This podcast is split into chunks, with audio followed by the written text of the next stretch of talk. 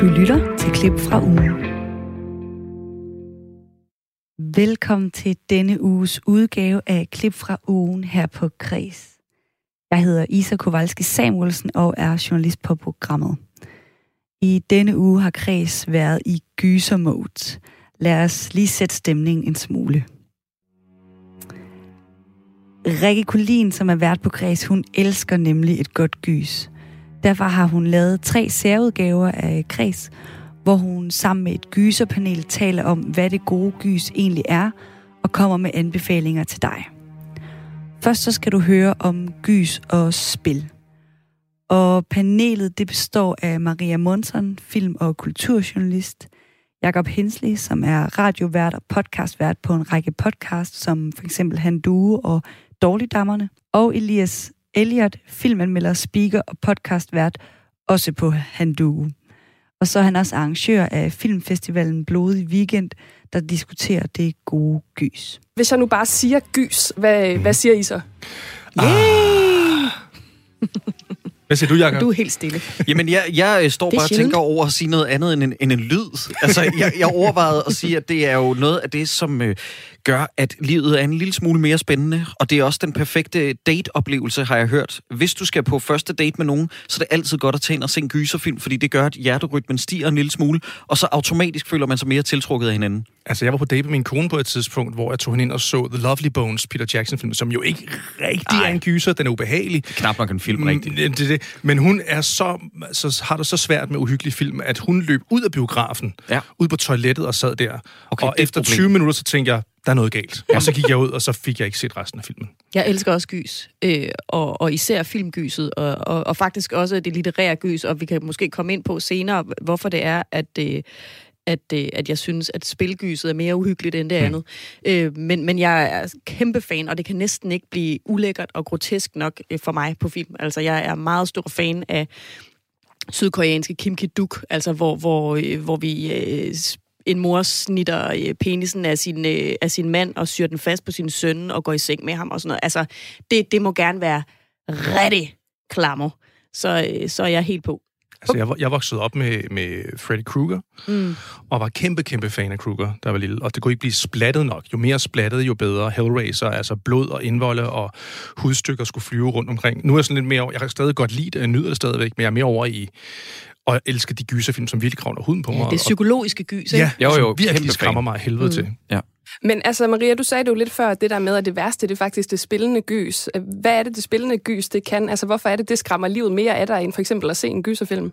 Jamen, du nævnte det jo selv i, øh, i din intro, at, øh, at jeg er selv del af det. Der er, der er en eller anden form for... Øh, øh, for barriere eller for distance. Øh, jeg, jeg, jeg er betragteren, når jeg ser en film, og det er jeg også, når jeg læser en bog. Og selvom man sagtens kan leve sig enormt meget ind, og man kan, man kan sagtens føle en masse angst, og det, jeg kan sagtens blive sindssygt skræmt af en film også, men, men, men jeg er meget mere hærdet i forhold til, når jeg for eksempel spiller et første øh, persons øh, horrorspil, computerspil, eller sidder og spiller rollespil, som, som vi tre jo sådan set også gør sammen, mm.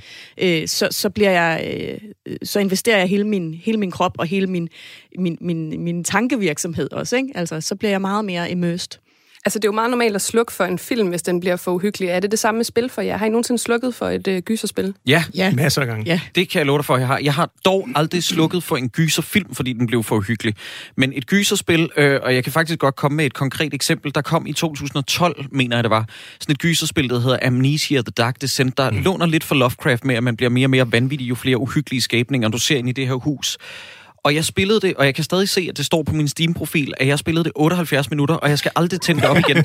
Det blev simpelthen for nøjeren. Det har bare stået der og blinket i 8 år. Sådan noget vender du tilbage, Jacob. Nej, det kommer jeg ikke til. Det lokker dig. Ja. Kom tilbage så til nogle, Så nogle spil har jeg rigtig mange eksempler på. Altså faktisk de fleste af horrorspil, og faktisk de allerfleste førstepersons øh, mm. perspektivspil, dem bliver jeg nødt til at, at stoppe Altså, jeg kan ikke. Altså, jeg bliver simpelthen for eksalteret. Ja. Jeg kan ikke holde til det. Jeg havde en rigtig interessant oplevelse, fordi det er det, der er så fantastisk, når du ikke kender genren på noget. Fordi gys kan også tit spille os et pus.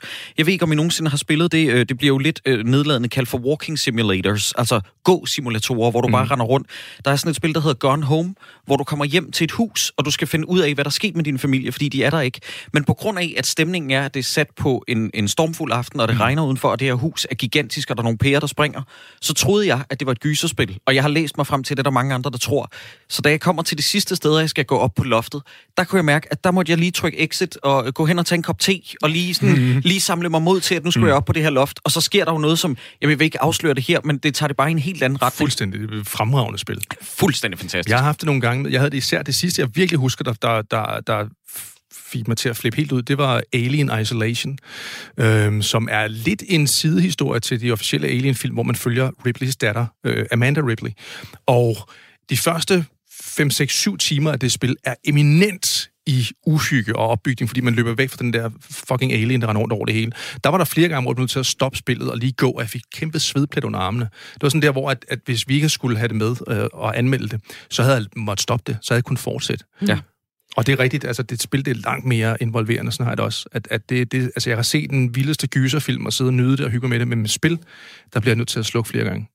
Altså, hvad er så forskellen på, sidder jeg og tænker, øh, fordi vi kommer jo lidt ind på det, I nævnte det jo selv faktisk, øh, jeg havde tænkt mig at nævne det, vil jeg så også sige til lytteren, at øh, I jo også øh, spiller rollespil sammen, øh, det kommer mm. vi til lige om lidt, men, men forskellen på at sidde og spille et computerspil, og så sidde altså sammen med sine venner og spille et rollespil, hvor man øh, kaster med nogle terninger og lever sig ind i en historie, hvad er forskellen på de øh, to slags gys? Altså, man kan sige helt konkret, der synes jeg, at det fordelagtige ved at spille et rollespil, det er, at din fantasi tit er meget, meget værre, end hvad der kan ske på film og i spil. Nogle gange, øh, film har ofte været gode til det der med ikke at vise for meget. Det er lidt noget andet, synes jeg personligt, i spil. Det er meget, meget sjældent, at spil øh, holder tilbage. Der, der skal tit være en eller anden form for fysisk trussel til stede, så man sådan for alvor forstår fareelementet. Men når det kommer til at spille rollespil, det, det digter man jo i, i sin fantasi, og der er en fantasi tusind gange værre. Mm. Ligesom når man ser en gyserfilm, og så begynder man at tænke sådan, åh, oh, det er nøjeren det her, der sker. Og så når monstret bliver afsløret, så tænker man sådan lidt, mm. næh. Ja, ja klassiker. Ja, og så er du, du er jo meget mere øh, handlende selv, som, som øh, spiller i rollespil. Og det, det rollespil, vi spiller, hedder Cthulhu, som også er et meget sådan blodigt og, og grumt spil. Øh, og der, øh, der vælger vi jo selv, kan man sige, hvor, hvor, hvor tæt på faren vi vil gå, og hvor mm. groteske vi også selv vil være i vores voldsomheder. Mm. Øh, så på den måde, og så sidder der selvfølgelig også sådan en, en game master, som også kan skrue op og ned for det. Ikke? Så der er vi jo meget mere sådan øh, øh, medbestemmende. Ikke? Og, og, og, og det kan jo både det kan gå begge veje. Ikke? Det kan jo også gøre, at hvis, hvis man synes, det bliver lidt for voldsomt, så kan man jo altid løbe ud. Man kan løbe sin vej. Og det kan man selvfølgelig også i et computerspil, men hvis du vil videre, hvis du, altså, du, du bliver jo nødt til og der, er, der har siddet nogle spiludviklere, har ligesom snøret det her sammen for dig. Så de, ja, det minder meget om hinanden, ikke? Men, men samtidig så synes jeg også, at, at jeg kan bedre regulere det, når jeg spiller rollespil. Plus, hvis jeg må komme med et supplement til det, det er også øh, mere noget med, at bordet fanger når det er et rollespil, man sidder og spiller, altså rundt om et bord. Tit, når det kommer til computerspil, så er der jo, jeg kan faktisk ikke komme i tanke om et, hvor det ikke er tilgivende på sådan en måde, at der er en quick load, en quick save. Mm. Altså, du kan bare loade et gennem spil. Ja, men, men bordet fanger virkelig, hvis du, begår en, ja, hvis du begår en fejl i et rollespil, og vores Dungeon Master, han er iskold. Han, øh, eller Game Master, han er, øh, altså, der er konsekvenser, hvis man fucker op. Ja. Øhm, og det har vi gjort alle sammen. Det, i den meget. Nej, det synes jeg faktisk ikke, jeg har. Ah, Maria, jeg vil faktisk ikke have sagt dit navn, men nøj. Men jeg synes også noget, der er fedt med rollespil, det er, at altså, det, det, det, jeg synes ikke, det bliver lige så slemt, som når jeg sidder og spiller et spil, og det har, tror jeg også noget at gøre med, at man sidder der flere sammen og deler mm. den her oplevelse. Mm. Men man ryger også med på hinandens fantasier. Yeah. Altså, hvis Maria tager et eller andet valg, bare rent teoretisk, sådan helt vanvittigt valg, jamen så bliver vi andre næsten nødt til at gå med på det der, ikke? og ja. ryge med i de her situationer, som de andre spillere skaber. Podimo, hvor øh, sæson 1 allerede er ude og har været et godt stykke tid, og øh, sæson 2 rammer jo øh, vores ører den 31. oktober, mm. og vi mhm. kan... Øh, vi kan lige øh, komme lidt ind på, hvad det er, hvis nu at der sidder nogen derude og tænker, hvad pokker er det, de snakker om. Men lad os lige høre et lille klip af, øh, hvad kan man sige, introen til den her podcast. Kære venner, jeg skriver til jer, for jeg har brug for jeres assistance. Nu mange år efter en mareridslignende hændelse i min ungdom. Nu, hvor tiden har indhentet mig. Jeg har set sære ting. Først nu begynder jeg at begribe sandheden om vores virkelighed og omfanget af, hvad der sker i vores verden. Jeg har forsøgt på min egen beskedne måde at bekæmpe redslerne og gøre bod for, hvad jeg i min fortid bragte til denne verden. Det er altså introen til Call of Cthulhu her, sæson 1. Indtalt af mig. Tydeligvis. Multikunstner. ja. Altså, det er jo øh, jer tre, det er øh, de to herrer fra Handu, der har fået besøg af Maria Monson, og så er det altså Morten Grejs, som er Game Master. Hvis der nu sidder nogen derude og tænker, hvad betyder det her? Vil I så ikke lige forklare, hvad det egentlig går ud på? Jo, altså Call of Cthulhu, det er et, et rollespil baseret på forfatteren H.P. Lovecrafts værker. Og det øh, hvis man skal brække det helt ned, hvad er et rollespil? Det er helt konkret, at vi har en Game Master, en spillemester, som er Morten, som har et scenarie, en historie, som vi tre spillere skal til at gå igennem. Og inden vi starter spillet, så laver vi nogle karakterer, vi finder selv på vores navne, hvad vi laver, vores, hvad vores profession er, og så har vi også nogle forskellige evner. Og sådan helt brækket ned, så evnerne det er procentdel, og så skal man slå med nogle terninger for at se, om nogle valg, man prøver at træffe, de lykkes. Og så starter vi ellers eventyret, og så er det Morten, der er fortælleren og lægger op til, jamen, I får det her brev, og I mødes på den her kro, hvad gør I? Og så går vi bare i gang med at spille. Så det er sådan improvisationsskuespil, leg, samtidig med, at man har de her karakterer, man spiller og spiller ud fra. Ja, og det, der er så fedt ved det, det jeg synes, der er en gave til rollespil, det er afhængig af, hvor god en Dungeon Master du har, eller en Game Master, og vi er så velsignet med en af de bedste, synes jeg, i al beskedenhed med Morten, der kan du også prøve at skubbe lidt til, hvad det er for en historie, han ja. har tiltænkt. Ja. Fordi det er jo ikke noget med, at, at, øh, at det er forudbestemt, ligesom i et computerspil, som tit sådan er, er, er, hvad hedder sådan noget, rimelig lineært. Ikke? Her, der gælder det altså helt basalt set, så burde det frie valg jo gælde. Altså vi kan sådan set lave hvad som helst ind i det her spil. Mm. Og jeg tror nærmest, der er et af afsnittene i sæson 2, hvor i hvert fald halvdelen, hvis ikke tre fjerdedel, er rent improviseret fra Mortens side. Fordi ja. han har selvfølgelig en ramme og en historie fra start til slut, men hvis vi går ud over den historie, så skal han jo ikke lade os vide, at, at vi er ude på sidespor. Så spiller han bare med og opfinder løbende. Ja. Så det er sådan, det bliver skabt, imens vi sidder og spiller det. Det er ret fantastisk. Han kan lige så stille nudge os i en retning, ja. men det gælder også om, hvis du er en rigtig god game master, så skal du heller ikke gøre det for stringent og for Nej. lineært. Fordi at så kan en, en spiller, som er sådan lidt kontrær og øh, øh, boglam som mig, og sådan lidt barnlig, så kan, man, så kan man begynde at, sådan, at prøve at skubbe lidt til det. Ikke? Mm. Ej, jeg synes faktisk, jeg opfører mig ofte eksemplarisk, men man kan forsøge at skubbe lidt til det en gang imellem. Og der er det også nogle gange, hvis man er en, øh, en rigtig god øh, game master, at så kan det også få konsekvenser meget hurtigt. Oh ja. Og øh, så kommer øh, sæson 2 altså her den øh, ja, meget passende den øh, 31. oktober på Alhelgens aften. Altså, jeg ved godt, I ikke kan afsløre for meget på forhånd. Man skal simpelthen øh, øh, ind og lytte til podcasten, men øh, kan I, altså, hvad skal vi glæde os til i sæson 2? Okay, vi skal glæde os til, at der er øh, en person, der får flænset sit ansigt op. Ja. Øh, vi skal glæde os til, at der er en, der bliver tævet af en politibetjent. Ja. Øh, vi skal glæde os til, at vi træffer alle de forkerte valg, man overhovedet kan komme i tanke om. Ja. Og, og det er primært rigtig, Maria, eller hvad? Nej, nej, ikke kun. Nej, ikke kun, ikke kun faktisk. Utroligt nok. Faktisk, faktisk er det bare overhovedet ikke mig. Jeg er, faktisk, jeg er faktisk helten i den fortælling, ja. synes jeg, ja. hvis jeg, hvis jeg selv skal udnævne nogen til at være det. Og så skal man jo øh, også lytte den for at, at se, hvad der sker videre med vores karakter, fordi, øh, ja, mini-spoiler til sæson 1, at vores karakterer, de fortsætter ind i sæson 2, men om mm. de overlever alle sammen, det er jo spørgsmålet. Og det, er også noget, det kan der... vi godt afsløre, det gør de ikke. Nej. Det er ikke alle, der er med. Og det kan man jo, og det kan man også sige er noget af det unikke ved Call of Cthulhu-rollespillet, for det er, at jo jo, du kan dø, men du kan også blive vanvittig. Med alle de ting, man oplever, så mister man så uh, sanity-point, som er sådan mentale point, hvis man skal ja, oversætte vel? Ja, ja. ja. Øhm, og kan blive fuldstændig vanvittig til sidst, og så også på den måde ryge ud af spillet. Ikke?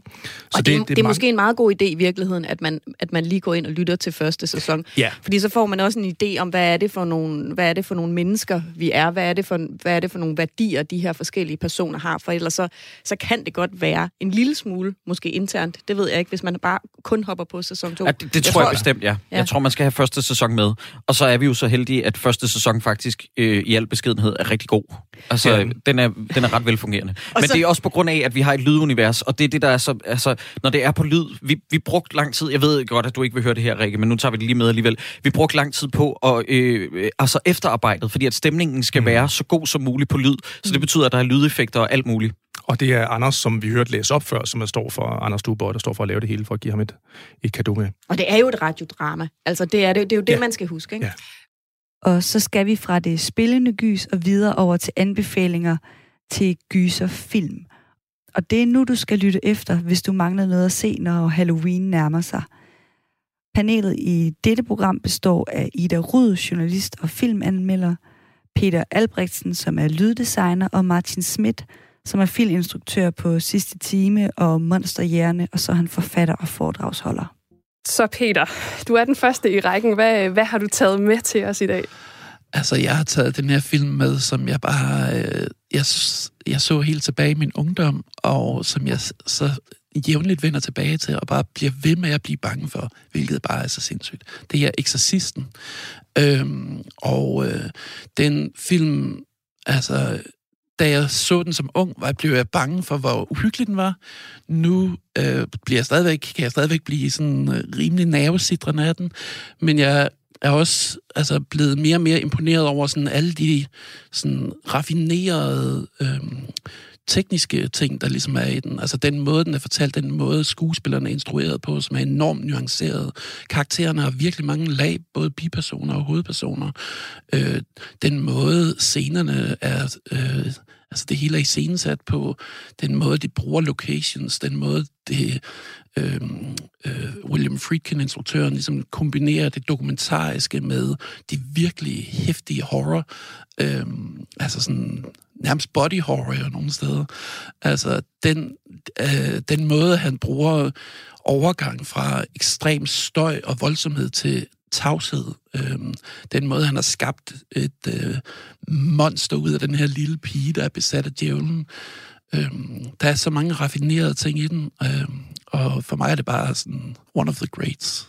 Den er jo fra 1973, og som du siger, instrueret af William Friedkin. Jeg spørger selvfølgelig resten af panelet her. Kender I den? Oh ja. Yeah. uh, ja, det må man sige. Hvordan har I det? Altså nu nævner Peter, hvorfor det er, han er så glad for den. Er I enige? Ja, jeg elsker den. Fantastisk film. Ja. Øh, jeg så den alt for tidligt. Øh, jeg er selv født i 82, og på et eller andet tidspunkt, så har den kørt på et fjernsyn, hvor jeg ikke skulle have set den, så den har traumatiseret mig. Altså en lille pige, der øh, dolker sig selv i skridtet med et kors og spyrer grøn opkast over det hele. Det er ikke, det er ikke for sarte sjæle. Nej. Hvad siger du, Martin? Jamen, jeg er også en kæmpe fan. Altså, den, den vil altid være på, øh, når jeg bliver spurgt om fem gode gys, så er den altid en af de fem, jeg nævner. Så, øh, så den har bestemt gjort et udsletteligt indtryk. Altså, jeg tror, øh, hvis man har set den her film, så øh, kan man nok huske øh, både æderkoppescenen, har jeg lyst til at kalde den, og Linda Blair, der drejer hovedet 180 grader. Øh, favoritscene, Peter, for den her film, hvad vil du fremhæve?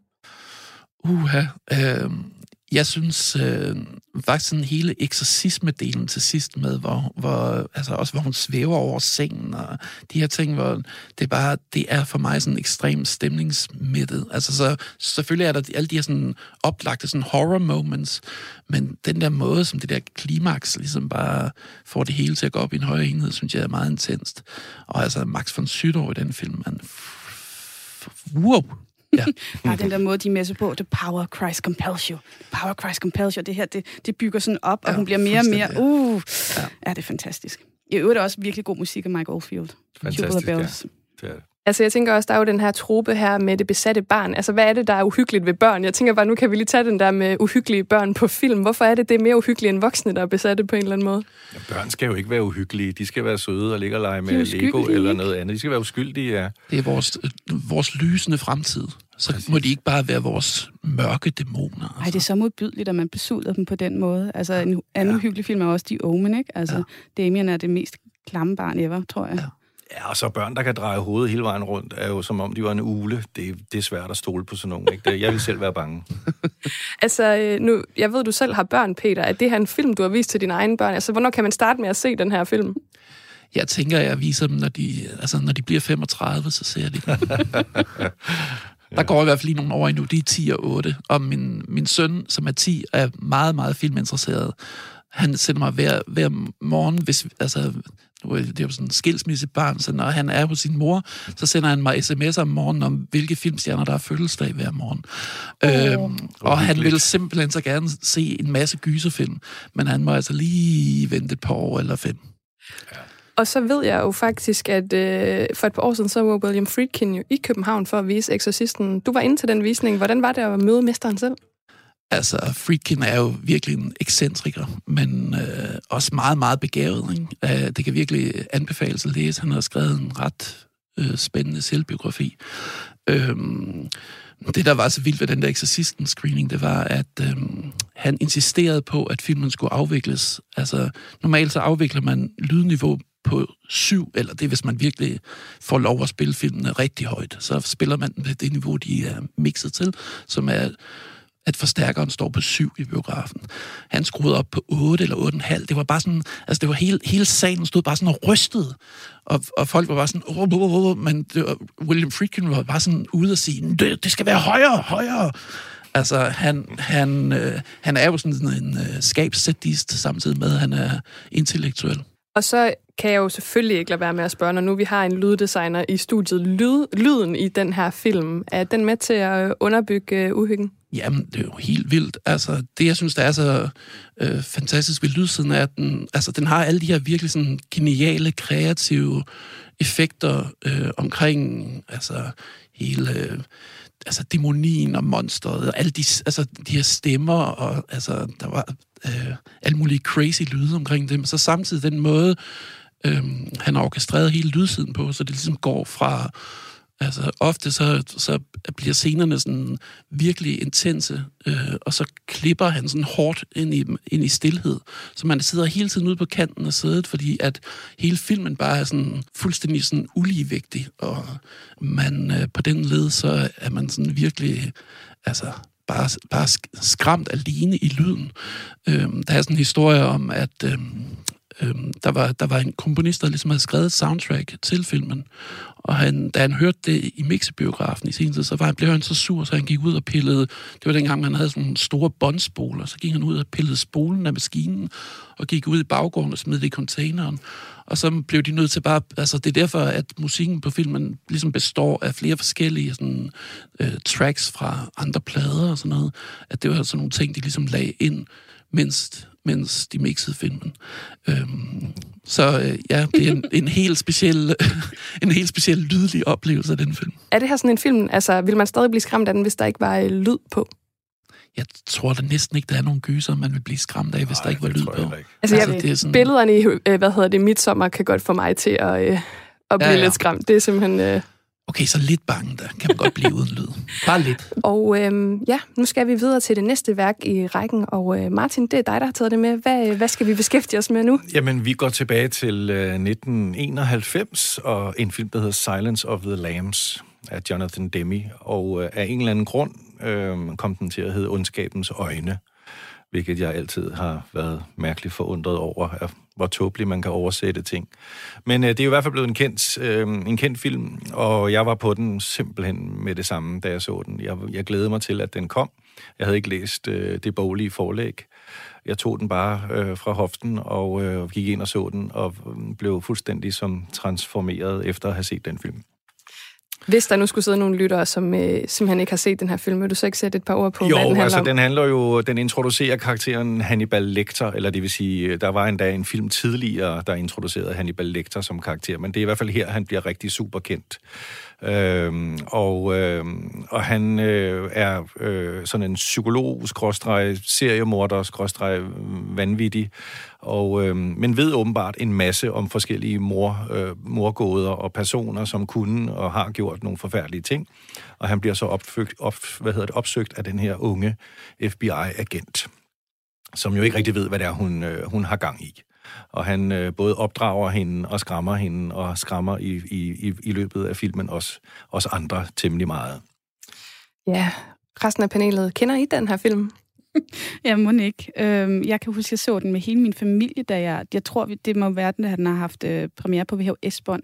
Så sad jeg også med min mormor, og vi var alle sammen sådan, fordi at det var jo Anthony Hopkins. Jeg tror ikke, der var nogen af os, der forstod, at det var en gyserfilm, og jeg fattede ingenting, fordi jeg har været sådan været øh, 11-12 år gammel. Okay. Øhm, det var ret skræmmende øh, at se, og også bare sådan rent personligt. Øh, de følger jo ham her, øh, hvad er det nu, han, han hedder? Øh, Buffalo, Buffalo Bill. Buffalo, Buffalo Bill, Bill ja. som, øh, som øh, tager huden af, af tykke piger, og som 12-årig, jeg er stadigvæk tyk, og det var jeg også som 12-årig, så det var også bare lige det ekstra element af sådan, åh oh, nej, nu er der en eller anden, der vil slå mig ihjel, fordi jeg er tyk.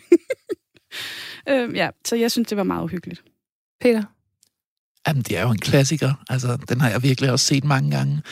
Øhm, Øh, jeg har lært øh, lyddesigneren at kende siden og øh, når, altså, en af de første gange, jeg mødte ham, der brugte jeg også bare virkelig lang tid på bare at spørge ham om, hvordan de har arbejdet på den der film, fordi jeg synes, det er sådan en fantastisk film. Altså, det er endnu en af de her film, som jeg har set som ung, og bare været sådan totalt revet med af. Og så når jeg ser den nu, så er det sådan, også bare sådan på alle mulige tekniske niveauer øh, virkelig en raffineret film. Det er jo også en øh, meget ung øh, Jodie Foster i øh, øh hovedrollen som øh, Clarice Starling her, som øh, også bliver skræmt for videre sendt under, under sin, øh, sit arbejde her. Altså, øh, jeg tænker, det er jo også sådan en film, der gjorde øh, horror og gyset lidt mere stuerent og lidt mere alment. Altså, hvordan kan det være, at det, øh, det ramte så bredt, det her? Jamen altså, jeg var så glad på gysets vegne dengang, øh, at det viser, den, at det fik det grønne eller blå stempel, eller hvad det er for en farve, det har fra Hollywood. Fordi pludselig var det jo var det helt i orden at lave gys. Øh, den vandt en masse Oscars-statuetter, og, og pludselig var det, var det, var det kom il få at lave øh, noget uhyggeligt.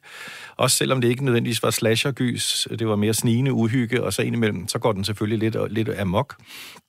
Men det var bare, jeg var bare glad på hele genrens vegne, at, øh, at der blev rettet op på den der ubalance, som jeg, som jeg ellers synes, jeg havde været vidne til, hvor, hvor, øh, hvor det var noget rod, og hvor man, øh, man, man, man så ned på gys. Her var der, kom der pludselig noget, som havde den nødvendige tyngde, både foran og bag kameraet, som gjorde, at, at der var ikke noget at komme efter. Den sidder lige i skabet, og jeg, jeg genser den ofte, og synes, at den på alle måder holder stadigvæk den dag i dag. Det er helt ja. klart også en af de film, jeg har set flest gange. Øhm, jeg, jeg kan den ind og ud, men jeg synes, den er så fascinerende. Jeg finder altid nye aspekter, som er, er spændende. Altså især Anthony Hopkins skuespil, som bare er så uh, subtilt og nuanceret. Det er helt, helt vildt med. Og så er det jo så synd for den stakkels uh, skuespiller, som spillede Buffalo Bill, fordi jeg tror ikke, han fik en karriere efterfølgende, fordi at han bare er den her meget ubehagelige psykopat-type. Jeg kan huske, at han sådan dukkede op i Heat. Så tænkte jeg bare, nej, nej, nej, det er Buffalo Bill. Pas på. det er bare forever. Altså, han er bare for evigt ja, han er, han er stigmatiseret nu. Men han har jo han altså heldigvis haft gang i en lang karriere. Han, han, han er meget brugt. Ja, ja, bestemt. Han er jeg meget, har, meget brugt. Jeg har ikke registreret ham, Nå, han, han, jeg, jeg vil ikke mærke ofte. til ham. Jeg har set ham ofte. Jamen, det er godt at men, høre. Men det er klart, at han har også et, et, et, et, et ry, og han har et ansigt, som gør, at man straks øh, brander ham. Men, øh, men han har bestemt kunne leve af at, at, at være andet end det også, heldigvis. Ja, og så, øh, så spurgte jeg jo også øh, Peter før, hvad hans øh, yndlingsøjeblik er i, øh, i Exorcisten. Det, det samme vil jeg selvfølgelig spørge dig, Martin. Hvad er det bedste øjeblik i Silence of the Lambs? Jamen, jeg synes, øh, altså jeg er en kæmpe fan af filmmusik generelt, og, øh, og har faktisk lært komponisten Howard Shaw at kende. Og, øh, og derfor så lytter jeg enormt meget til hans øh, meget, meget uhyggelige, intense musik i den film. Og der, hvor det ligesom går helt op i, i hat og briller, han er så på den gode måde for mig, der hvor jeg virkelig sidder ude på kanten, det er, det er på et tidspunkt, hvor man tror, at man ved, at han er undsluppet øh, fra det her mærkelige fængsel midt i, i en sal og øh, ved at, at, at skære ansigtet af en anden, og lade som om, at han er en, en, en, øh, en brandmand, eller hvad det er for noget, og så bliver han eskorteret ud. Han, han, han går simpelthen ud af, af, og vi tror, at han er på vej ned af en elevator og sådan noget. Og der, der er der bare sådan nogle musikalske ting, hvor jeg bare tænker, hold nu op, altså hvis det ikke er filmkunst af højeste skuffe, hvor, øh, hvor man både ser fantastisk skuespil, fantastisk instruktion, en skide god historie, toppet med god musik og fantastisk lydeffekter, så, så kan jeg ikke. Altså bare jeg sidder og snakker om det nu, får jeg kuldegysninger faktisk, og det, det er ikke så tit. Og så kan jeg ikke lade være med at tænke på som instruktør. Altså, det er jo også sådan, at Jonathan Demme, det er jo nærmest hans eneste gyserfilm. Det her, det er, det er et pletskud, må man sige. Meget som instruktør selv, altså øh, det har jeg jo ikke spurgt om endnu, men det kommer også til at spørge her. Øh, hvilke film har ligesom øh, inspireret dig øh, til dine film, og den måde, du har lavet øh, gyserfilm på? Jeg voksede meget op med en instruktør, der hedder John Carpenter, som jeg også har, har storket rundt i min ungdom, og, og det lykkedes mig at møde ham en masse gange, og jeg har skrevet en bog øh, om ham. Øh, så han har været min store inspirationskilde, og øh, om flere af hans film, men, men ikke mindst Silence of the Lambs, som jo så er, er Jonathan Demme. Altså, der går jeg bare fra og tænker, det var sgu en af de der film, jeg gerne ville have sat mit, mit navn under. Altså det, det ville have gjort mig stolt ind i, langt ind i de næste årtusind. Nu nævnte spurgte jeg jo dig før, hvad dit øh, yndlingsmoment er her i filmen. Måske vil jeg også lige kaste den ud til resten af panelet. Det kan jo være, at øh, der er et eller andet lydøjeblik øh, for dig. Nu var øh, Martin jo allerede inde på, Peter, at Howard Shaw øh, gør det godt, men øh, er der et sted, du vil særligt fremhæve for Silence of the Lambs? Der er en sekvens, hvor, hvad er det, er det Bak, de spiller, eller sådan noget, hvor han, øh, ja. Han sidder i cellen, Nemlig. og præcis, ja. ja. Vi sidder og vifter med hånden, fordi ja. han sidder ligesom og dirigerer på sådan en meget ja. afslappet måde. Ja. Ikke? Han er helt, hans puls er helt nede. Ikke? Ja. Det, det der, det Det er jo lige inden den scene, du nævner, Ja, det er Martin, det hvor han så Altså, hele det der hovedet forløb. af Ja, det er- fængselsbetjenten. Men altså, den er, ja, Ja. det er stærke sager. Det er højdepunktet. Er du enig, Ida? Og jeg synes, der er mange højdepunkter i den her film. Jeg synes jo også, det er meget intens, der hvor Clarice Starling hun fortæller om den her uhyggelige oplevelse af at stikke af hjemmefra, øh, efter hendes øh, far er død, og hun ender hos nogle, nogle familiemedlemmer, og så hører hun de her lam, der græder og der skriger, fordi de skal slagtes, og så tager hun et med sig og løber. Og det er ligesom noget, hun betror sig til til Hannibal Lecter, øh, fordi han jo har vundet hendes tillid. Og det synes, jeg synes, den måde, hun fortæller det på, hun, det, det, det rører mig altid. Øh, det gør Jodie Foster rigtig godt. Der er lige en, en scene mere, det er altså, altså den der øh, slutsekvensen, hvor hun ligesom øh, øh, går rundt i mørket og prøver oh, at finde ja. ham, ikke? og Buffalo Bill oh. tager det der... Ja, hun kan ikke se noget, men han ja, har sådan nogle night vision goggles night vision. på. Uh. ja, det der filmmediet også fungerer, kan man mm. sige. Ja, det må man sige. Og ikke mindst, altså lyden er jo, altså der, det er jo helt utroligt, så meget den der kælderlyd, den, den har noget reverb og noget et eller andet. Altså, der... Ja, og hendes pulslag, man kan bare høre det helt ja. op i ørerne selv, fordi man er så nervøs, ikke? Altså, det, vi ved alle sammen, hvordan det er at ja. gå i mørket og vide, der er et eller andet, eller tro, der er noget. Ja. Vi har forhåbentlig aldrig haft oplevelser af det, men, øh, men det er nemt at sætte sig ind i. Og der er det jo altså imponerende af en instruktør, øh, som ellers laver alle mulige andre film i alle mulige andre genrer, at han simpelthen lige får lyst til at lave en enkelt lille gyser. Lidt ligesom Kubrick, der også ligesom kunne lidt af det ene og lidt af det andet og sådan noget. Ikke? Og vi snakker stadig om det så mange år efter. Jeg synes, det, det, det er meget stort. Og så synes jeg ikke, man kan snakke om den her film uden at snakke om, øh, der er jo de her to skurke, meget forskellige skurke, må man sige. Øh, den meget øh, afdæmpede Hannibal Lecter, og så den lidt mere udfarende Buffalo Bill er det her, øh, han vandt jo selvfølgelig også en hovedrolle, øh, Anthony Hopkins, på trods af, at han jo faktisk ikke er særlig meget med i den her film, eller siger særlig meget. Men er det her øh, den bedste gyserskurk nogensinde, eller hvor står I i forhold til det spørgsmål? Der bliver tænkt her, kan jeg mærke. det var vi ikke forberedt på. Der er jo nogle stykker at vælge imellem. Øhm. Måske handler det også, hvad man mere er til, fordi jeg er jo øh, meget glad for, øh, øh, hvad hedder det, hvad hedder den? The Ch- Texas Chainsaw Massacre med Lige Leatherface, øh, som er siger endnu mindre end... Øh, det må man sige. Han grønter. øh, men det er jo en anden slags øh, skurk, så er det simpelthen fordi, at, øh, at det kommer an på, hvilket slags skys man er til. Ja, og som, som Peter siger, der er så mange fede karakterer at, at vælge imellem. Altså, og det, jeg, jeg har svært ved at vælge. Det må jeg sige, det kan jeg ikke. Altså, det var Hitchcock, der sagde, the better the villain, the better the picture. Og sådan er det virkelig meget i den... Altså, altså, altså skal man øh, vælge Mike Myers, eller øh, øh, Jason, eller Freddy Krueger, eller øh, Buffalo Bill, eller Hannibal Lecter, eller, altså, det er bare sådan, okay, de, de, altså, jeg kan have meget om dem alle sammen. Forhåbentlig ikke på en gang. Altså, jeg kan måske bedst lide Hannibal Lecter, fordi han ikke er den oplagte skurk. Altså, han er jo ikke en joker fra Batman, eller netop en, der går, render rundt med en ishockeymaske, som man godt ved, det er ikke en rar fyr. så det, det, det er nok noget, jeg falder for. Og igen, nu nævnte jeg jo før det her med, hvis man øh, skal gøre en meget uhyggelig film lidt mindre uhyggelig, så noget, der i hvert fald har hjulpet mig, det er øh, fra The Oscars 1992, hvor Billy Crystal var vært, hvor han kom ind som Hannibal Lecter. Det er et af de sjoveste entréer, der nogensinde har været i et Oscarshow, og har gået ind og snakker med Anthony Hopkins i salen. Så hvis man har set den her film og skræmt, så skal man gå ind og se det lige bagefter. Så kommer man ned på jorden. Vi er altså kommet til sidste værk i rækken, og det er jo dig, Ida, der skal præsentere det for mig og panelet og lytterne. Så hvad skal vi kaste os ud i nu? Jamen, vi skal kaste os over øh, en film, som hedder Twin Peaks Fire Walk With Me. Og det var altså den film, som David Lynch lavede efter sin tv-serie Twin Peaks, men som foregår før serien. Og jeg ved godt, at det måske er sådan lidt et underligt valg, men, men der var bare nogle ting i den her film, som virkelig øh, ramte mig. Det hele taget synes jeg, at Twin Peaks var meget uhyggelig. Øhm, det var sådan en, jeg så i, i små bidder der, i, da den blev sendt i starten af 90'erne, fordi at min mor så det, og vi var fuldstændig betaget af det, og jeg faldt tit i søvn, så jeg var jo ikke så stor dengang. Øhm, men det her univers med den her unge pige, Laura Palmer, det betog mig, betog mig virkelig meget, og så Firewalk With Me var jo sådan en, man rent faktisk kunne få fingrene i på et VHS-bånd og se igen og igen og igen, hvor Twin Peaks var lidt sværere tilgængelig. Så, øh, så jeg kastede mig over den og, og så den igen og igen og, og blev meget, meget skræmt. Der er sådan en... Det, det er faktisk en visuel ting, som jeg stadigvæk bliver utryg, hvis jeg ser. Øh, I Laura Palmers hjem, hvor hun bliver misbrugt af Bob, som jo hun så finder ud af, spoiler alert, det er hendes far. Øh, som er besat af det her mystiske væsen, der hænger der sådan en fane op i loftet, og når den er tændt, så er Bob i huset. Øhm, det finder man så ud af. Og, og det synes jeg bare, det er så klamt. Så hvis jeg ser en fane, og den kører, det har vi heldigvis ikke så meget i Danmark, men jeg har familie i Canada, hvor de hænger over det hele. Og jeg, jeg får sådan jeg får sådan en myrekryb, fordi uh, altså, det er ikke rart. Nu er der altså en ung pige, som skal misbruges øhm, og tortureres og ydmyges på alle mulige mærkelige måder. Og det er altså en film, der kom efter serien. Den er fra 1992, men er ligesom, som du netop sagde før, en prequel til uh, Twin Peaks her.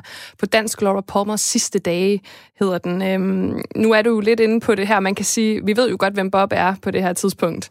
Men altså, hvorfor øh, skulle, skulle den med i panelet i dag? Altså, øh, det er jo det absurde gys, i hvert fald for mig på mange måder, vi er, vi er ude i. Måske lige starte med, hvad, hvad handler den her film om? Jamen, det handler om, at vi netop, altså den danske titel siger det hele, Laura Palmers sidste dage, den her øh, unge gymnasiepige, som er meget populær i byen Twin Peaks. Øhm, og det, som fascinerede mig, da jeg så den, fordi der har jeg selv været sådan præ-teen, øhm, det var, at hun var den her uskyldige, pligtopfyldende pige, som øh, passede på de ældre og var en god veninde og en, en flink øh, og venlig datter, som også havde den her bagside med, at hun faktisk er sådan øh, rimelig seksuelt udfarende. Hun øh, går i en form for svingerklub. Hun er en slags prostitueret. Hun har et hæftigt øh, misbrug af stoffer. Øhm, og og det, det, det havde jeg svært ved ligesom at få til at, at, at hænge sammen i mit hoved. Jeg var meget, altså, at hun kunne have de her sider i sig. Og det synes jeg også var uhyggeligt, at hun ligesom både bliver drevet ud i det, men også går ud i det selv. Øhm, så man ser ligesom, ja, hende følger hende, øh, og ser netop de her sider, fordi at i ser, serien, der er hun jo altså død, så der, der har man ikke så meget af, hvem hun egentlig var. Og det synes jeg er enormt fedt, at man så ligesom får mere indblik i øh, altså det her, og også det her overnaturlige, som er i byen Twin Peaks. Og jeg kaster den selvfølgelig ud til panelet igen. Jeg vil gætte på, at I har set Twin Peaks, uden at øh, kende jer så godt. Hvad med øh, filmen her? For det var jo en, jeg ved, mange faktisk øh, sprang over. Den fik ikke særlig stor kommersiel succes. Altså, jeg er jo kæmpe David Lynch-fan, så jeg har set den her film rigtig mange gange. Øhm, og øh, synes også, den er virkelig vild. Den er, den er jo faktisk meget mere uhyggelig, synes jeg, end serien. Altså meget mere intens og virkelig brutal også. Øhm, jeg har sådan flere favoritscener. Jeg, øh, der er sådan en helt vild scene på sådan en natklub, hvor jeg bare kan huske fra allerførste gang, jeg så den, hvor musikken er så høj, så, så de bliver nødt til at tekste, hvad de siger. Man kan ikke høre, hvad de siger. Og det er bare sådan, det var så hæftigt og intenst. Øhm, og øh, så er der også sådan en scene øh, ved, øh, ved sådan et lysfyr, hvor hvor øh, Laura Palmer og hendes far sidder i en bil, og altså det lyder som helt banalt, altså sådan, og så kommer så kører der en, øh, en op på siden, som er, hvad er det, han hedder, ham der, som er øh, fra The, øh, fra The Lodge, Nå, men som har sådan den her ring på, og begynder at sidde og råbe af dem, og det er sådan i virkeligheden sådan en rimelig sådan enkel scene, men den er bare så intens, øh, Øhm, så det er bare, der er sådan nogle momenter i, som jeg synes altså, er ekstremt creepy, samtidig med, at øhm, David Lynch har det her med, at han blander musik og lyd på sådan en måde, som har været en kæmpe inspirationskilde for mig i mit arbejde. Hvad med dig, Martin? Jamen, jeg var også en stor fan af serien, øh, og jeg vil give Peter ret, øh, fordi det, filmen var faktisk mere uhyggelig, fordi den var mere sådan kondenseret på en eller anden måde. Ikke? Og jeg har, så vidt jeg husker, var der en scene, som virkelig skræmte mig, kan jeg huske, øh, og fik, fik mig til ikke at gå i seng i to uger. Øhm, det var, det var i, vel i hendes soveværelse eller et eller andet, hvor Bob pludselig ses gemme sig bag sengen, eller ved siden af sengen, hvor jeg bare tænkte, hold nu kæft. Altså, der er bare sådan nogle, når man selv laver den slags gys, så er der sådan nogle situationer, man kan huske, hvor man bare tænker, okay, der, der, der blev jeg snydt, eller der blev jeg betaget eller skræmt, som man har lyst til selv at bruge i sit eget virke senere hen. Ikke? Man er bare ærgerlig over, at det ikke var en, en selv, der fik ideen. Men også det der med, at det er hendes seng, ikke? Altså, det er det mest øh, intime, øh, hellige sted, man ja, har præcis. på mange måder, ikke? Og så han er der, jeg synes... Jeg vil vi gerne være i fred. Og Bob er bare, han ser uhyggelig ud. Ja, det Den her altså. stakkel, som, skulle, øh, som jo var, han var en form for tekniker på, på sættet til Twin Peaks, og så ser David Lynch op og tænker... faktisk. Jeg tænker, det? du, han, han du ser altså uhyggelig ud. Ja, du er en Bob. han har meget langt gråt hår og sådan et stort sådan, sådan grin, og bare sådan lidt, ja. lidt, lidt usund, sådan lidt usøjneret. Øhm, meget, meget fantastisk udstråling fra den her mand. Altså, David Lynch er jo ikke en decideret gyserinstruktør på den måde, så hvad er det ved hans øh, filmstil, der, øh, der bliver gjort uhyggeligt i, øh, ja, i den her film? Jeg synes faktisk også, at Blue Velvet er ret uhyggelig, hvis vi endelig, og Lost Highway er absurd uhyggelig. Mulholland Drive har en af de vildeste jumpscares nogensinde. Den der parkeringsplads-scene, den er mm-hmm, så freaking scary. Så David Lynch han har altså ret godt tag på det her med, med gys. Øhm, ja, ja. Jeg skal lige have de spørgsmål igen, Rikke. Hvad er det, han formår at gøre? Altså, hvordan er det, han formår at skabe gys? Men jeg tror, det her med, at, at, at vi bliver lukket ind i en ung piges liv, øhm, og, og netop sådan hendes, hendes inderste tanker og, og hendes uskyld, men også hendes, altså at hun har den her liderlighed, det, det blev jeg meget fascineret af. Jeg synes, at det var et ret øh, ærligt og realistisk portræt af en ung pige. Selvfølgelig ekstremt. Men, men det, det var noget af det, jeg godt kunne lide. Og det er også noget af det, som jeg synes er uhyggeligt. Øh, især fordi jeg så den på det tidspunkt, jeg gjorde, hvor jeg sådan, okay, er det sådan der at blive ung og teenager, fordi at det står jeg lige på, på trappen til at skulle, skulle blive. Så, så det var bare noget, som, som, som rørte mig enormt meget. Og også det her med, at det er altså virkelig... Altså Bob, jamen han er sådan en, en overnaturlig ting, men han er altså inde i hendes far. Der er næsten ikke noget mere uhyggeligt end en far, der misbruger sit barn. Vi er faktisk ved at være øh, færdige for i dag, fordi tiden den er simpelthen fløjet afsted, og jeg vil gerne stille jer et sidste spørgsmål. Nemlig, hvis der nu sidder nogle øh, lyttere herude, og som har fået en masse inspiration i dag, men måske faktisk ikke har tur at kaste sig over gyserfilm, kan I anbefale en, øh, en blød starter? Altså, hvor starter man henne, hvis man gerne vil være typen, der kan holde til at øh, se gyserfilm? Altså, jeg synes jo bare, man skal kaste sig ud i det, og så skal man lære sine egne grænser at kende, og sin egen øh, sådan subgenre til gyset at, at, at kende, så man ved, hvor, man, hvor, hvor meget man har lyst til at være med til. Og så skal man selvfølgelig prøve at skubbe den der grænse lidt, uden at man øh, mister forstanden undervejs. Altså mit trick, og det faktisk går meget godt i tråd med meget det, vi har snakket om i, i, øh, i dag, det er, hvis, øh, hvis jeg ser en film alene, og jeg kan mærke ligesom, okay, nu begynder jeg at blive lidt bange, og sådan det der med at holde hænderne op for øjnene, det er måske ikke det bedste trick. Jeg muter den fordi at ja, så den det altså kom jo inde på tidligere. Ja, ja. Det, det er, hvis man, hvis man gerne vil se en gyserfilm, men er lidt utryg ved det, så skal man altså bare sidde klar til lige at mute, øh, mens man ser, fordi altså, så tager det altså toppen af det, så bliver det lige pludselig ikke spor uhyggeligt. Og man kan faktisk, synes jeg egentlig også, hvis man, hvis man gerne bare vil ligesom have en smag for det, så er der jo, altså man kan sige, nogle af, også nogle af de her historiske eller gamle film, vi har haft oppe her, som altså, når jeg siger de er gamle, så får det også til at lyde som pensionister jo, men, øh, men det er i hvert fald en, der er nogle af dem, som måske er mindre sådan, øh, altså kan, kan, måske kan være sådan lidt mere søde ved et publikum frem for, at man ser den nyeste hostel eller øh, sindssyge, rabiate blodsorgie splatterfilm. Ja, måske også sådan noget som fredag den 13. Fordi de er øh, nostalgiske, det er meget sådan 80'er retro, og de er lidt sjove, og sådan lidt, det er også lidt uhyggeligt, den måde, han ligesom kommer ind i deres øh, drømme på, og de prøver at holde sig vågne. Sådan, så det kan godt være sådan en, en blid indgang. Til sidst så skal vi runde det litterære gys. Og her består panelet af Rikke Schubert, forsker og forfatter og lektor ved SDU, Kenneth Bø Andersen, forfatter og foredragsholder, og Karina Evitt, som her starter med at fortælle, hvad hun egentlig er bange for. Jeg var faktisk temmelig bange for film og så videre, da jeg var barn, så dem så jeg ikke rigtigt. Men øh, Dracula for eksempel læste jeg som børneklassiker eller sådan noget. Og øh, dem synes jeg faktisk, den synes jeg faktisk var pisseuhyggelig også. Men øh, jeg, jeg læste den alligevel, ikke? Så, og så tror jeg, da jeg blev teenager, eller da jeg begyndte at se øh, gyserfilm, så synes jeg bare, at det var sjovt. Altså, jeg, jeg så den første fredagens 13. tror jeg, det var. Øh, og var øh, pisse bange det første kvarters tid, eller sådan noget, og så var det ligesom gået over, ikke? Så gået over. Det ja. kan jeg godt lide. Altså, jeg er også nødt til at spørge, du er jo tidligere kirkegårdsgraver. Er det et uhyggeligt job? Nej. Altså, det synes jeg ikke, men det afhænger jo af, om øh, du, hvordan den, du har det med knogler, hvis du endelig skal der derned, ikke? Ja. Der kan godt øh, op, øh, fremkomme kom, kom knogler og så videre ved en begravelse, ikke? Ja, okay. Men, og jeg forestiller mig også, altså tit når vi tænker graver i film i hvert fald, og ja. måske også i litteratur, så er det meget noget, der foregår altså, ved tusmørke. Jeg tænker, det er faktisk et, dag, altså, et job, man udfører om dagen. om dagen. ja. det tager For det meste i hvert fald. uhyggen ud af det. Ja. Altså, I øh, er her jo som, øh, som øh, ekspertpanel her, fordi I er rigtig skarpe på øh, gys i litteraturen, og også, kan jeg jo høre på jer alle sammen, også øh, gyset på, øh, på det store lærred og så videre. Men hvis vi lige kaster os over det der med gyset på skrift, altså så er jeg lidt nysgerrig ja, på jeres forhold til det, fordi jeg tror, øh, jeg kender i hvert fald rigtig mange, som ikke øh, læser uhyggelige bøger, simpelthen fordi de får deres kick ud fra, øh, fra at kunne se det øh, og røre ved det, skulle jeg næsten til at sige, men se det og høre det. Så hvad er det, det skriftlige gys kan, Rikke Schubert?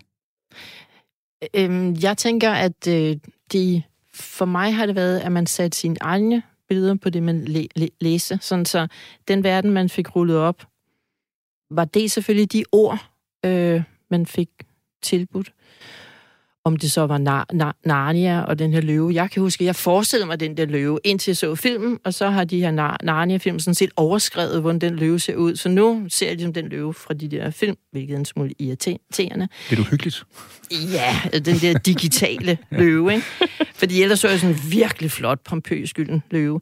Men det gør, at man kan sætte sine egne bill- bill- billeder på, og øh, for mig gør det at læse en bog og blive skræmt noget andet end at se en film og blive skræmt. Fordi typisk tror jeg nok, at hvis jeg har læst noget, jeg bliver skræmt af, vil jeg huske det som en historie, hvor hvis jeg har set det på film, vil jeg mere huske det som en billedting. Det er lidt svært at forklare forskellen, men de der historier, jeg har læst, der fik mig til at skrige, eller sprænge op i sæde af forskrækkelse, eller ligesom ligge og læse videre, fordi jeg bare skulle se, hvad der skete. De historier, tror jeg, bliver ved mig på en dybere måde. Ja, du påpeger, eller påpeger jo øh, det her med øh, at sætte sine egne billeder på. Jeg tænker også et eksempel, mange, inklusive mig selv, har haft, det var at læse Brødrene Løvehjerte og være virkelig bange for Katla, og så se Katla-dragen, og, og især som voksen, og se Katla, der, der var også noget med effekterne på det tidspunkt, men at den måske ikke var lige så uhyggelig, som, øhm, som man forestillede sig i øh, bogen, så der er helt klart noget med billederne. Men øh, Kenneth Bøge Andersen, hvad er det ellers, at øh, gys i litteraturen kan?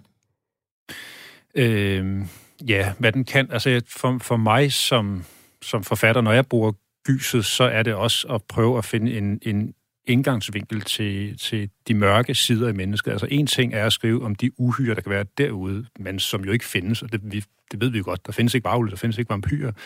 Men der findes jo et uhyre, øh, som er enormt spændende at skrive om, øh, og især i den her kontekst, øh, nemlig det uhyre, der kan være i os, og det monster, som vi nogle gange kan blive til.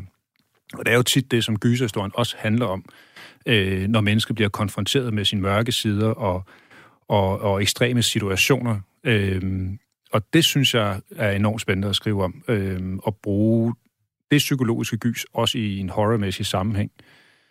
Øh, og så, øh, ja, så kan man sige, i forhold til, til det der med at, at se ting, det, altså på film har du alle de der jumpscares og musik og sådan noget, og det, det er jo en helt anden form for gys og, og, og, og, og en stemning, du dykker ind i, når du sidder med, med bøgerne og bogstaverne. Og en ting er, at der ikke er dårlige special effects, men der er jo sådan ikke dårlige skuespillere, øh, som jo også tit lider lidt af i gysergenren. det er rigtigt. Og jeg kan huske en scene fra den første Stephen King-bog, jeg læste på engelsk, som var The Langoliers, om, om den her flyvemaskine, der, der, der flyver afsted, og der er nogen, der falder i søvn, og, og der er blandt andet en kaptajn ombord som passager, han, der vågner han op, og så er stort set alle forsvundet. Der er lige en håndfuld tilbage af passagererne, og det viser sig, at de alle sammen er faldet i søvn. De lander i Bangor Lufthavn, og finder stille og roligt ud af, at de flår et kvarter tilbage i tiden, og tiden bliver simpelthen så et af de her Langoliers, der dukker op. Og der er der en scene, hvor, det ved man jo ikke endnu, øh, men der er så den her pige, som er blind, og hun hører ting før de andre, og du, du, hun kan høre det her gnasken i baggrunden, et eller andet. Øh, og, og pludselig råber hun, at når det her det kommer, så dør vi alle sammen, så dør vi, forstår I ikke det, for, så, så dør vi, og de andre ved ikke rigtigt, hvad der er, hun taler om og sådan noget. Og bare husk den scene der, altså, der, det var der, hvor gåsehuden den virkelig rejser, og hårene rejser på en arm. Og når man så ser sådan en film med sådan en halv B-skuespiller, så har den simpelthen ikke samme effekt øh, længere. Og der har bogen altså en, en, en, lidt en force nogle gange i forhold til, øh, til filmen. Og jeg tænker også, at vi vender tilbage til det undervejs, blandt andet med det værk, du har øh, taget med i dag, fordi der er jo også en filmatisering af den bog. Det er der jo nærmest af, af jer alle tre. Altså, I Am Legend er i hvert fald også øh, filmatiseret op til flere gange. Øh, I flere versioner, blandt andet har Vincent Price øh, spillet hovedrollen. Det kommer vi til, men Karina Evitt, jeg tænker også det her med, at du jo som forfatter, øh, gyserforfatter, både har skrevet til børn og til voksne. Er der ligesom forskel på, hvad ja, børn og voksne bliver bange for? Øh, til børn plejer jeg faktisk at skrive øh, netop, som øh, Kenneth siger, det der med, at man skal trække klædet af sådan forholdsvis hurtigt. Ikke? Og til voksne, der skriver jeg sådan mere psykologisk ned i dybet og så videre. Ikke? Ja, altså er voksne... Ja, hvordan kan man spørge... Altså er børn i virkeligheden, de skal have det sådan direkte. Altså det der ja. med, som vi snakkede om tidligere, også som du nævnte, Rikke, det der med at trække klædet fra. Øh, eller kan børn også forstå sådan de lidt mere, hvad skal man sige, uhyggelige stemninger, for eksempel? Altså nu skriver jeg sådan fra 12 år op, tror jeg nok. Øh, de kan sagtens forstå de stemninger der, men øh, de kan bedre lide, når man øh, ligesom viser dem det. Ikke? Man kan sige, at vi kommer jo også ind på øhm, øh, nogle lidt ældre bøger i det, I har taget med i dag. Så jeg er lidt nysgerrig på i forhold til sådan gysergenren af nu 2020, og det er klart, at der er en masse subgenre til det selvfølgelig, men hvordan står det til med gys i litteraturen i 2020? Altså, findes der stadig hyggelige ting at skrive om, eller har vi ikke, øh, har vi ikke skrevet alle historier? Altså, jeg tænker det også i forhold til film. Der er jo rigtig mange, for eksempel hvis vi kigger på Hollywood, af de filmatiseringer, der kommer, øhm, ikke nødvendigvis kun i gysergenren, men i mange genrer, som jo er remakes og øh, prequels og øh, reboots og alt muligt. Altså, hvordan står det til med at, øh, at læse original litteratur i gysers verden i 2020? Rikke Schubert? Ej, jeg vil lige spille bolden videre til Kenneth, fordi at jeg, øh, øh, som jeg bliver ældre, jeg er 53, så bliver jeg mere kredsen med, hvad jeg bruger min tid på at læse. Øh, og det vil sige, at det skal ligesom... Og jeg ved ikke hvorfor, men jeg er mindre kredsen, når jeg ser ting. Det er ligesom, så må det godt være, ej, med den skuespiller, eller en instruktør, jeg kan lide, eller special effects, der er super gode. Det er ligesom, så spiser jeg mere slik, hvor hvis jeg skal læse ting, så skal det ligesom være godt nok til, at jeg vil bruge tiden på det. Så derfor er jeg blevet mere kredsen, hvor tidligere var jeg mere sådan slugte, hvad der var nyt og hvad jeg ikke kendte til. Så for mig i dag kan jeg bedst lide, når gyser ting er sådan... The, The Road har jeg lige læst, øh, som jo Virkelig måske bog. ikke er en gyserbog, men jeg synes, den var virkelig, virkelig, virkelig uhyggelig. og helt anderledes end filmen, hvor dem, der har set filmen, ved, der er kannibaler med, og der er jo ligesom ikke flere dyr tilbage på jorden, så folk går rundt og spiser hinanden dybest set. Ikke? Men bogen gjorde, øh, var, øh, synes jeg, en gyserroman på, i sådan et meget enkelt Hemingway-agtigt journalistisk rent sprog, der for mig malede virkelig et scenarie op, øh, som var meget, meget, meget skræmmende og ondt. Øh, og, og gy, gyseligt. Så øh, jeg ved ikke generelt, hvor genren er på vej hen, men jeg tror, jeg kan godt lide der, hvor jeg får noget, der er unikt. Øh, og det behøver ikke være unikt bøge, eller, men det skal ligesom være, okay, her fik jeg virkelig igen en følelse, som jeg godt vil være inde i.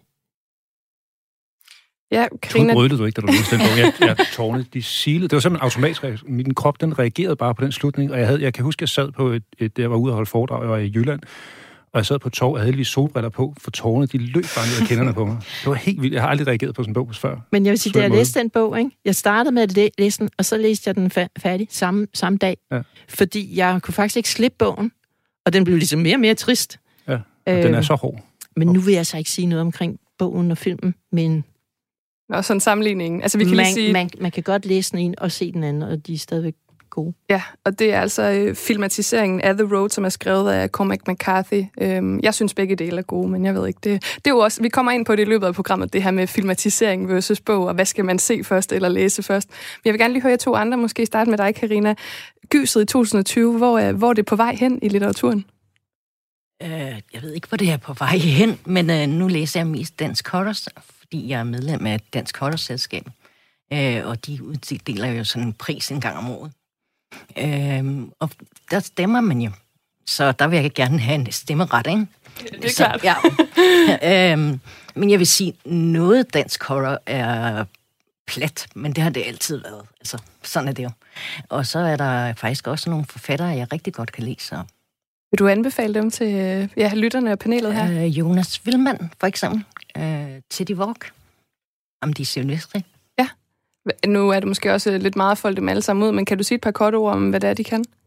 Øh, Jonas kan i hvert fald det med, at han skriver jo meget forskellige bøger. Altså stadigvæk i gysets verden, men øhm, øh, den ene det kan være en psykologisk novellesamling. Den næste kan så være en, øh, en øh, gyser med splat og så videre. Ikke?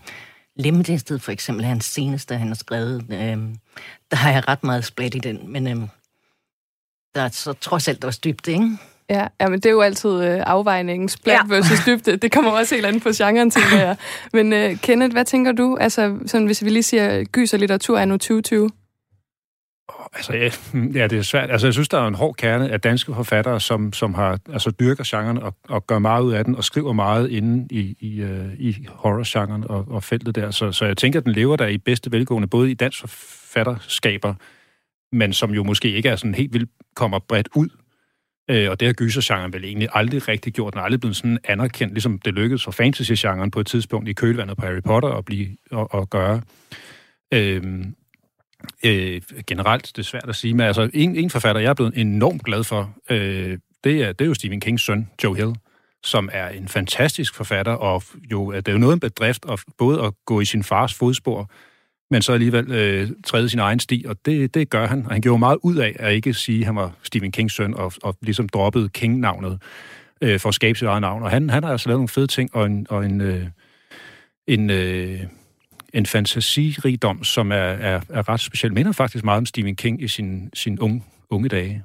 Ja, det er også et meget godt sted at få inspiration fra. Måske også lige få et par vise ord fra. Ret nemt. Der er ikke så langt til kilden, tænker jeg. Nej, altså Stephen King er jo stadigvæk øh, meget aktiv. Altså. Det må man sige. Det var, hvad vi havde i denne uges udgave af Klip fra ugen. Jeg håber ikke, at øh, vi og Rikke har skræmt dig fra videre sans. Du kan høre alle programmerne i deres fulde længde, der hvor du henter dine podcasts.